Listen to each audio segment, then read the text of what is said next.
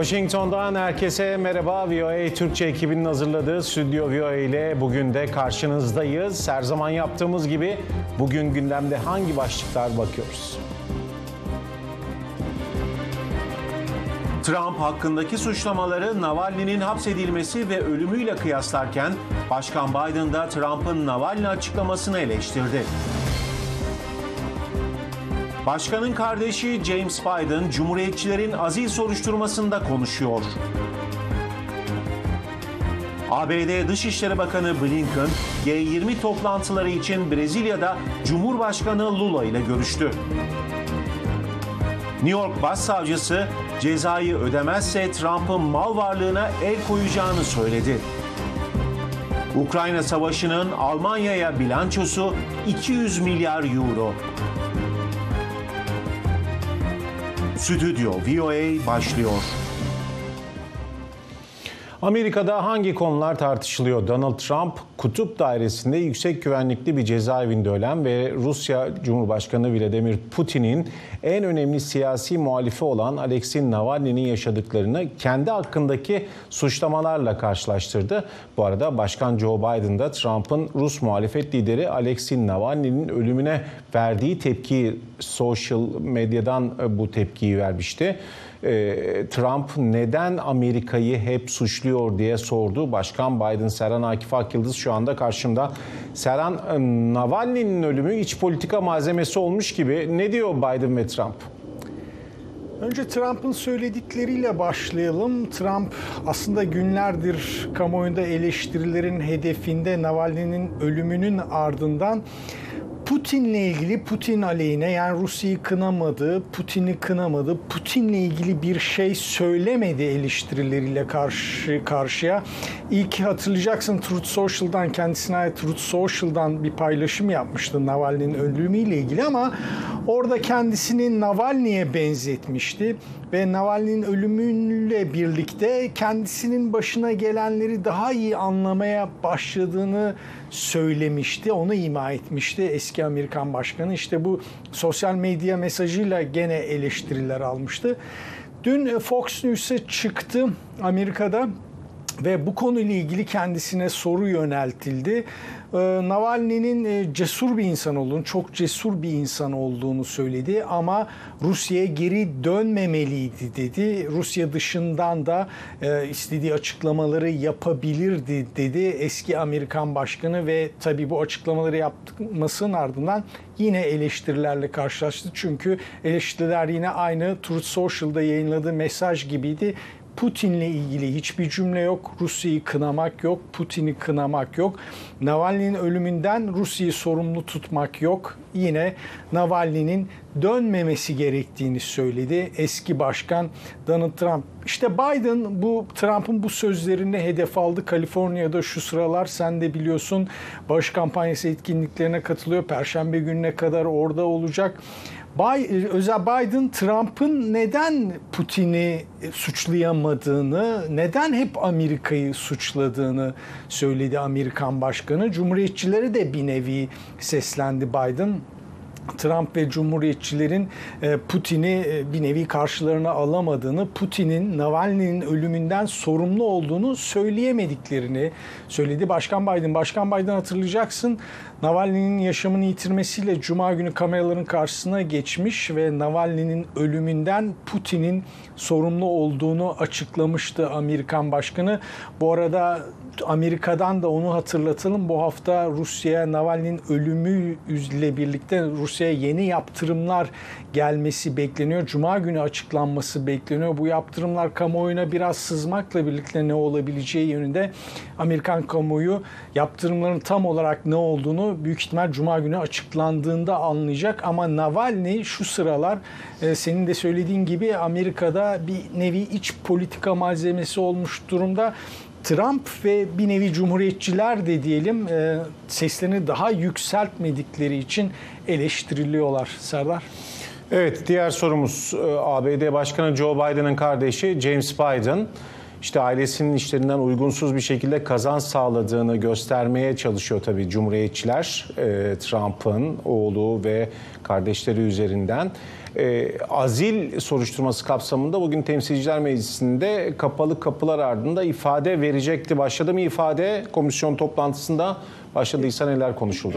İfade vermesi başladı hatta kapalı kapılar ardında olmasına rağmen tabii bazı açıklamaları da kamuoyuna şu ana kadar yansımış durumda. James Biden ne dedi? Ee, abisiyle Joe Biden'la ilgili yani kendi iş hayatında 50 yıl boyunca hiçbir çıkar ilişkisi olmadığını, abisinin Joe Biden'ın, Başkan Biden'ın kendisine hiçbir yani o konularda tırnak içinde yararı olmadığını çünkü bir iş konusu, iş ilişkileri olmadığını söyledi. Joe Biden'ın eğer bunun aksini iddia edenler dedi ya yalan söylüyorlar ya da yanlış bilgilendirilmişlerdir dedi James Biden. Temsilciler Meclisi bir süredir Başkan Biden'la ilgili aziz soruşturması yürütüyor ama bir sonuca varamıyor. Bir sonuca varamamasının nedenlerinden biri de e, şimdi kamuoyuna yeni yan kamuoyunda yeni bir gelişme. E, Biden'ların Ukrayna ile ilgili iş ilişkileri konusunda Biden'ların derken aslında Hunter Biden'ın oğlu Hunter Biden'ın Başkan Biden hatırlayacaksın Ukrayna'da bir süre çalışmıştı. İşte Ukrayna'daki iş, iş ilişkileri konusunda eski FBI Federal Soruşturma Bürosu eski FBI muhbirinin verdiği bilgilerin aslında eski FBI muhbirinin yalan söylediğinin ortaya çıkması ki özellikle Temsilciler Meclisi'nde bu soruşturmayı yürütenler bu eski muhbirin söylediklerini çok baz alıyorlardı diyebiliriz. Çok önem atfediyorlardı. Şimdi Hunter Biden'la ilgili soruşturmaları yürüten özel savcı dedi ki Hayır bu eski muhbir, FBI'nin eski muhbiri yalan söylüyor. Eski eski muhbirin Hunter Biden'la ilgili söylediklerinin Rus istihbaratından aldığını belirtti bir kısmını ve hatta e, bu yalanların e, Amerika'daki seçimi de etkileyebilecek oranda olduğunu önümüzdeki dönemde bu yalanların yayılmasının çalışıldığı mesajını verdi Özel Savcılık Bürosu. İşte Özel Savcılık Bürosu bu açıklamayı yaptıktan sonra Hunter Biden ekibi harekete geçti. Kendisine yöneltilen e, avukatları değiller ki Hunter Biden'a yöneltilen suçlamaların önemli bir kısmı bu eski muhbirin söylediği söylediklerini içeriyordu dedi. Bir nevi suçlamaların düşürülmesi mes gerektiği mesajını verdilerdi diyebiliriz. Tabi bundan sonra özel savcının atacağı adımlar da önemli. Eski muhbirle ilgili suçlamalar yöneltilmiş durumda. Eğer o suçlamalar e, yargılandığında kanıtlaşırsa, netleşirse 20 yıldan fazla hapis cezası yatabilir. Ama bu cumhuriyetçileri durdurur mu? O tartışma konusu cumhuriyetçiler bu bilginin neden kamuoyuna yeni sunulduğunu sorguluyorlar şimdi. O açıdan e, Başkan Biden'la ilgili bu azil soruşturması bir süre daha ülkenin gündeminde kalabilir Serdar. Evet davalar artık o kadar çok iç içe girdi ki e, Biden'a Trump dedim. Ee, soruşturmalar da öyle. Bütün ayrıntıları Serhan Akif Akyıldız'dan e, aldık. Teşekkürler Serhan. Bakın e, davalar bitmiyor. Şimdi New York'a gidiyoruz. New York Eyaleti Başsavcısı Letitia James salı günü e, bir açıklama yaptı. Dolandırıcılık davasından aldığı 355 milyon dolarlık para cezasını ödeyecek parayı bulamaması halinde Donald Trump'ın e, gökdelenleri de dahil olmak üzere mal varlıklarını el koymaya hazır olduğunu söyledi. Hemen New York'a gidelim. Mehmet Sümer karşımda. Mehmet 355 milyon dolar ama e, bu rakamın artması bekleniyor. Hatta 450'lere çıkması da bekleniyor. E, Başsavcı e, ne mesajlar verdi?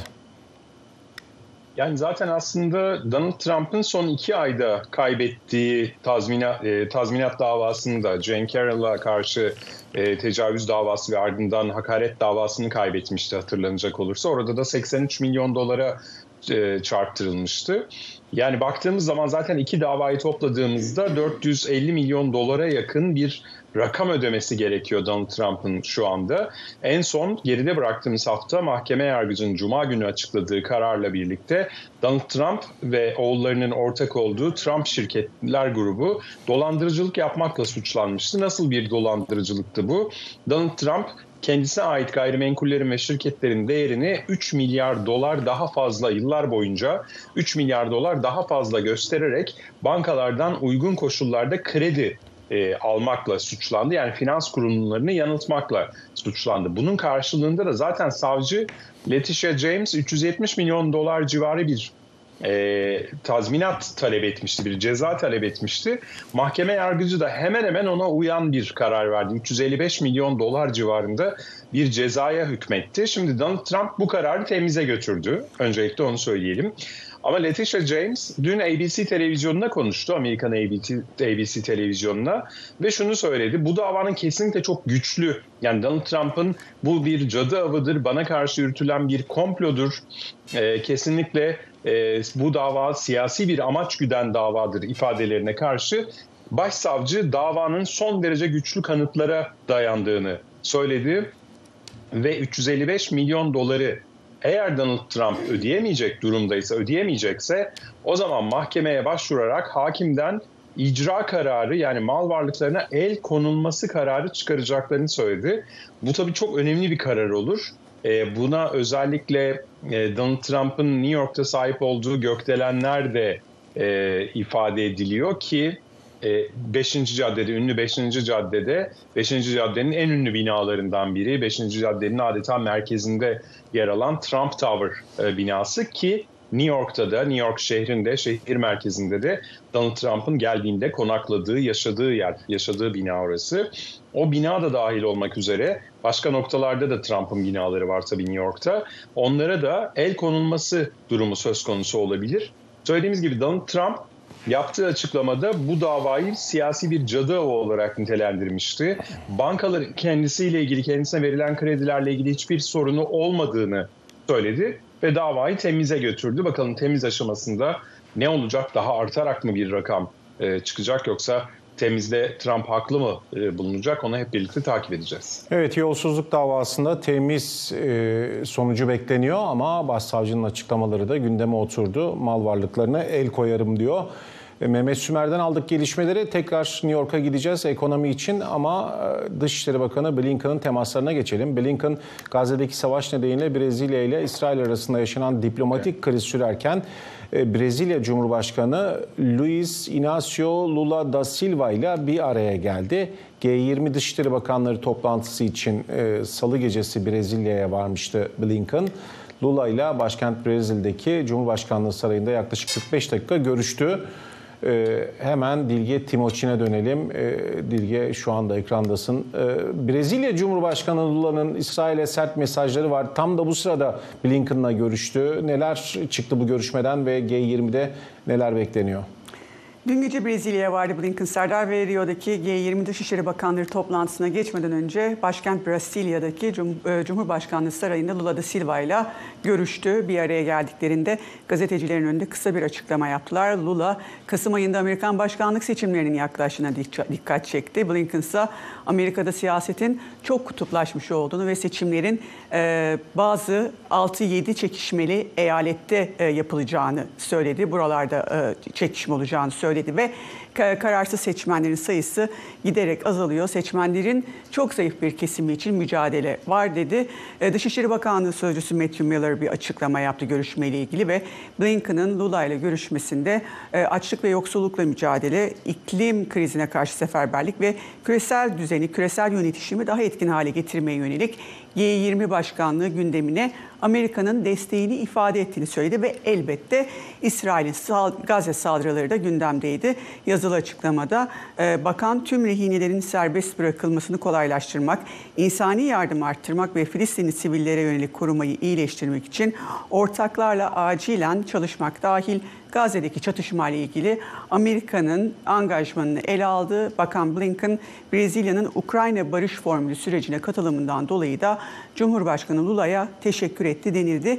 Görüşmenin ardından Brezilya Cumhurbaşkanlığı ofisinden de bir açıklama vardı. Cumhurbaşkanı Lula, Ukrayna ve Gazze şeridindeki çatışmaların sona ermesi ve barış arzusunu teyit etti. Her ikisi de e, Filistin devleti kurulması gerektiği konusunda da mutabık kaldı denildi. Burada şuna dikkat çekmek lazım elbette. E, Amerika ve Brezilya konu İsrail politikaları olduğunu epey farklılaşıyorlar. E, Lula Birleşmiş Milletleri İsrail ve Filistinler arasındaki çatışmayı çözmekte başarısız olmakla eleştiriyor ve geçen haftada Gazze'de soykırım olarak adlandırdığı vahşetle ilgili suçlamaları İsrail'in kınaması ve Brezilya'nın büyükelçisini geri çağırmasıyla diplomatik bir krize yol açmıştı. Lula, İsrail'in Gazze'deki savaşını 2. Dünya Savaşı sırasındaki Nazi soykırımına benzetmişti. İsrail'de hafta başında bir açıklama yapmış ve Lula'nın e, yorumlarını geri alana kadar İsrail'de hoş karşılanmayacağını da söylemişti. Dışişleri Bakanlığı Sözcüsü Matthew Miller da yine dün yaptığı açıklamada e, Washington'un Lula'nın yorumlarına katılmadığını söylemişti. Dediğimiz gibi Lincoln G20 toplantıları için Brezilya'da iki gün sürecek toplantılar. Gazze ya da Ukrayna konusunda ortak bir açıklama beklenmiyor ve son bir daha hatırlatma da yapalım.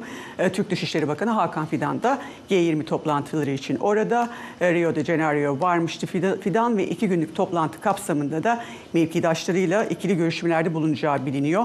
E, bir Blinken-Fidan görüşmesi gündemde gözükmüyor ama bir sohbet, sohbet kameralara, haberlere yansır mı? Onu da takip ediyor olacağız Serdar. Evet, Blinken Amerikan Dışişleri Bakanı Brezilya'da G20 zirvesi için Lula ile görüştü. Bir Blinken Hakan Fidan görüşmesi olur mu? Onu da bekliyoruz. Gelişmeleri Dilge Timoçin'den aldık. Teşekkürler Dilge. Şimdi ekonomiye geçelim. Mortgage faiz oranlarının geçen hafta Aralık başından bu yana en yüksek seviyeye çıkması mortgage talebini sert bir şekilde etkiledi. Mortgage Bankacıları Birliği'nin mevsimlikten arındırılmış endeksine göre toplam başvuru hacmi bir önceki haftaya kıyasla %10,6'lık bir düşüş kaydetti. İflas eden kripto para borsası FTX vardı ve bunun hapisteki kurucusu Sam Bankman-Fried Kasım ayındaki dolandırıcılık mahkumiyetinden bu yana ilk kez bugün Manhattan'da e, yeni avukatının da olası çıkar çatışmaları ile ilgili bir duruşma için mahkemeye e, geri dönüyor. Hakim karşısına çıkıyor. Bakalım bu detaylarda neler var. Evet Mehmet neler oluyor ekonomi cephesinde seni dinliyoruz. Evet, çok kısaca Sam Bankman-Fried'in yani FTX'in eski CEO'sunun şu anda hapiste, Brooklyn'de bir hapiste. Hatta iki gün önce de hapisten ilk defa bir fotoğrafı e, yayınlandı. Son derece kilo vermiş, saçı sakalı birbirine karışmış, biraz kötü bir halde görünüyordu ki kaldığı hapishane Brooklyn hapishanesi koşulların gerçekten kötü olduğu bir hapishane olarak biliniyor. Bugün mahkemede hakim karşısına çıkmasına çıkması bekleniyor ama kendisini temsil eden avukatla ilgili bir çıkar çatışması e, yine aynı davayla ilintili bir başka davada da avukat olmasından dolayı bir çıkar çatışması olup olmadığına dair ve bundan sonra o avukatla Makuse ile devam edip etmeyeceğine dair bir duruşma olacak bu. E, Ağustos'tan geçen seneden bu yana e, tutuklu. Mart'tan itibaren de duruşmalarının başlaması bekleniyor ve e, çok uzun bir süre hapis cezası alacağına dair tahminler e, var. Kripto para piyasasından hemen bahsedelim. Şu an itibariyle mesela Bitcoin değerini e, aktarayım. Bitcoin şu anda gerilemede e, %2,49 geri çekilmiş durumda ama hala 50 bin doların üzerinde 50 bin 976 dolarda son 5 günde %2,28'lik bir değer kaybı var. Ama son bir aya baktığımızda Bitcoin %22 yatırımcısına gelir sağlamış durumda. Dow Jones'a baktığımızda Dow Jones'ta Amerikan piyasalarında moraller bozuk seyretmeye devam ediyor. Şimdi e, sen de bahsettin mortgage faizlerinin yüksekliğinden. Piyasalar bugün de aşağıda. E, Dow Jones endeksi şu anda 38.389 puanda. Nasdaq %1'in üzerinde bir kayıpta. S&P 500 e, %0,5 kayıpta. Piyasalarda dediğim gibi moraller bozuk. Neden? Çünkü Fed'in faiz indirimlerini geciktireceğine dair beklentiler yüksek. Bu aynı zamanda faizlerin yüksek olması Amerika'da konut sektörünü de kötü etkiliyor. E, ortalama konut fiyatı olarak 765.550 dolar ve daha az değere sahip olan konutlara bankalar tarafından sağlanan 30 yıllık mortgage kredisinin faiz oranı 6,87'den 7,06'ya yükseldi. Yani mortgage faizlerinde yüksek seyretmeye devam ediyor. Bu durum tabii konut piyasasında, emlak piyasasında bir gerilemeye neden oluyor. Konut kredisini yeniden finanse etmek için, yeniden yapılandırmak için başvuranların sayısı örneğin bir önceki haftaya göre %11 düşmüş durumda. Yani yeniden yapılandırma yoluna gitmeyi tercih etmiyor şu anda Amerikalılar. Konut satın almak için yapılan ipotek başvuruları da yine bir önceki haftaya göre %10 bir yıl önceye göre de %13 azalmış durumda. Yani yavaş yavaş Fed'in işte yüksek faiz politikası e, belirli sektörlerde yavaşlamayı, geri çekilmeye e, etki etmeye başladı. Tabii bunun işte enflasyonist etkiyi azaltması, enflasyonun düşmeye başlaması ve bu tarz etkilerle birlikte de Fed'in faiz indirimlerine başlaması bir an önce piyasaların en büyük beklentisi ama e, o beklenti ötelendikçe piyasalarda moraller bozuk seyretmeye devam ediyor Serdar.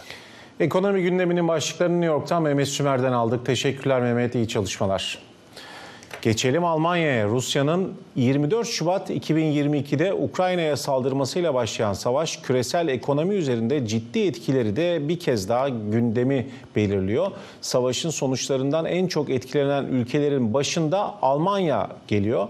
Özellikle geçen kış aylarında enflasyondaki ve enerji fiyatlarındaki yükseliş ülkedeki ekonomik büyümeyi frenlerken Almanya'nın Ukrayna için şimdiye dek yaptığı harcama rekor bir düzeye ulaştığı gelişmeleri VOA Berlin muhabiri Cem Dalaman aktarıyor.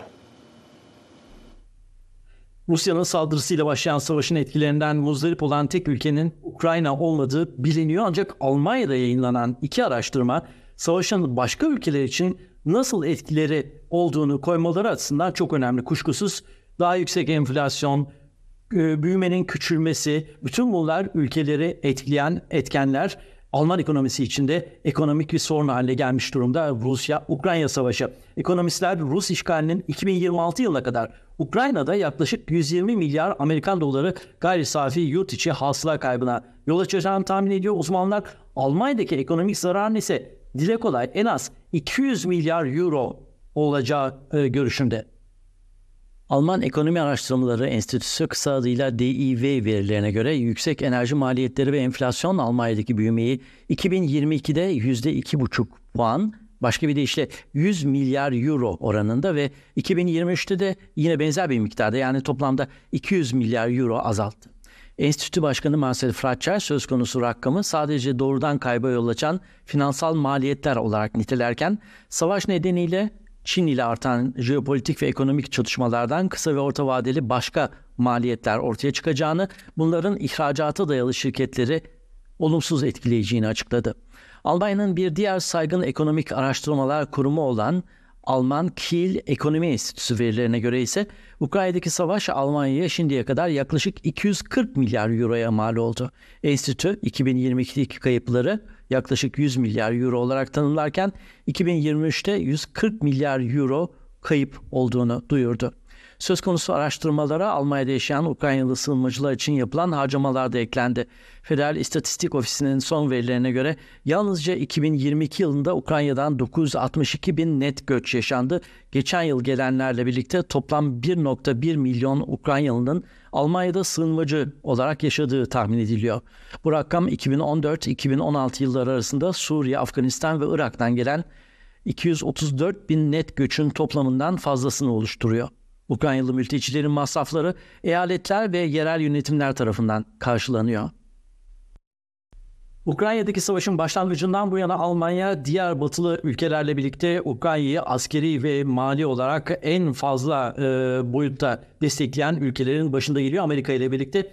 Geçen hafta Berlin'de Ukrayna Devlet Başkanı Volodymyr Zelenski ile bir araya gelen Başbakan Olaf Scholz, Almanya'nın şimdiye dek Ukrayna'ya taahhütlerle birlikte 28 milyar euro silah ve ekonomik destek verdiğini e, söylemişti. Buna ek olarak tank, mühimmat ve hava savunma sistemlerinin bulunduğu 1.1 milyar euroluk bir askeri destek paketi sağlama kararı aldıklarını da açıklamıştı. Zelenski ve Scholz Berlin'de iki ülke arasında güvenlik işbirliği ve uzun vadeli desteğe ilişkin 10 yıllık bir anlaşma da imzaladı. Anlaşmada Almanya'nın önümüzdeki yıllarda desteğinin savaşın insani, sosyal, ekonomik ve mali sonuçlarını hafifletmek için Ukrayna halkına yönelik askeri olmayan kapsamlı yardımları da e, içereceği belirtildi.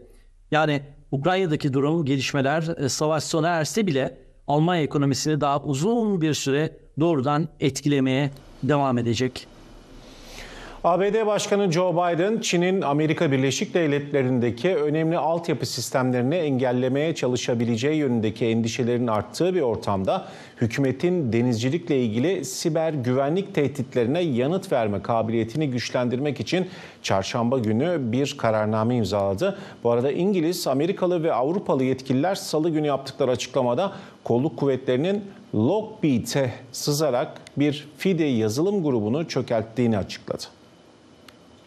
Kararname açıklamasını siber ve gelişmekte olan teknolojilerden sorumlu Ulusal Güvenlik Danışman Yardımcısı Ann Neuberger yaptı. Kararname ile İç Güvenlik Bakanlığı'nın yetkileri genişletilecek. Başkanlık kararnamesinin aynı zamanda ABD sahil güvenliğinin ülke genelindeki limanlarda askeri siber güvenlik gerekliliklerini belirlemek için kurallar belirlenecek. Biden'ın altyapı gündeminin bir parçası olarak liman altyapısına 20 milyar dolar yatırım yapılacak. Emir sahil güvenlik kuvvetlerine tehdit arz eden gemilerin hareketlerini kontrol etme, liman ve kıyı tesislerinin bilinen ya da şüphelenilen siber tehditleri düzeltmelerini zorunlu kılma yetkisi de verecek. Girişimin duyurulması aralarında FBI başkanının bulunduğu Amerikalı yetkililerin Pekin'in Tayvan'la ilgili bir çatışma durumunda ABD'nin elektrik şebekesini, petrol boru hatlarını ve su sistemlerini çökertmeyi amaçlayan kapsamlı bir bilgisayar korsanlığı operasyonu başlatabileceği uyarısında bulunduğu bir döneme denk geldi. Artan siber saldırılara karşı ABD, İngiltere ve Avrupa devletleri ortak adım atmaya devam ediyor. Bu çerçevede yapılan operasyonda fidye yazılım grubu Lockbit'e sızılarak organizasyonun çökertildiği açıklandı. Yetkililer bilgisayar ağlarına zarar veren, kötü amaçlı yazılım bulaştıran ve fidye pazarlığı yapan kuruluşlara bir hizmet olarak fidye yazılımı sağlayan Lockbit'i hedef alan çok uluslu bir operasyon gerçekleştirildiğini bildirdi. Operasyonun Polonya ve Ukrayna'da iki kişinin tutuklanması ve 200 kripto para hesabına el konulmasıyla sonuçlandığı belirtildi. Bu arada ABD Adalet Bakanlığı her ikisi de Rus vatandaşı olan zanlılar hakkındaki iddianameleri açıkladı. Google çarşamba günü Meta ve diğerlerinin benzer bir hamlesini takiben dışarıdaki geliştiricilerin potansiyel olarak kendilerine ait olarak şekillendirebilecekleri yeni yapay zeka modellerini yayınladı. Alphabet Google iştiraki bireylerin ve işletmelerin Gemma adı verilen yeni açık kaynak kodlu modeller ailesini temel alan yapay zeka yazılımlarını ücretsiz olarak oluşturabileceklerini söyledi. Yetkililer Google'ın bu hizmetiyle yazılım mühendislerini şirketin mevcut teknolojisini geliştirmeye ve cloud adı verilen ücretli veri depolama alanlarını kullanmaya teşvik edeceğini savunuyor. Şirket modellerin Google Cloud için optimize edildiğini ve ilk kez bu modelleri kullanan bulut müşterilerinden 300 dolar kredi alacağını açıkladı. Bazı uzmanlar açık kaynaklı yapay zekanın suistimali açık olduğunu söylerken diğerleri teknolojiye katkıda bulunabilecek, teknolojiden yararlanabilecek kişilerin sayısını arttırdığını savunuyor. Google, Gemma'dan farklı olarak Gemini olarak bilinen daha büyük, önde gelen yapay zeka modellerini açık kaynaklı hale getirmedi. Gemma modellerinin 2 ya da 7 milyar parametre boyutunda olduğu açıklandı. Meta'nın Llama 2 modellerinin boyutu 7 ila 70 milyar parametre arasında değişiyor. Google en büyük Gemini modellerinin boyutunu ise açıklamadı. Çip üreticisi Nvidia bugün yaptığı açıklamada Gemma modellerinin çiplerinde sorunsuz çalışmasını sağlamak için Google'la işbirliği içinde olduğunu bildirdi. Nvidia ayrıca Windows PC'lerde yapay zeka modellerini çalıştırmak için geliştirdiği chatbot yazılımının yakında Gemma ile çalışmasını sağlayacağını da açıkladı. Bu haberle bitiriyoruz bültenimizi. voaturkçe.com internet adresimiz, sosyal medya hesapları ekranda. Bizi takip edin. Yarın akşam Ekotürk'te görüşmek üzere. Herkese iyi akşamlar.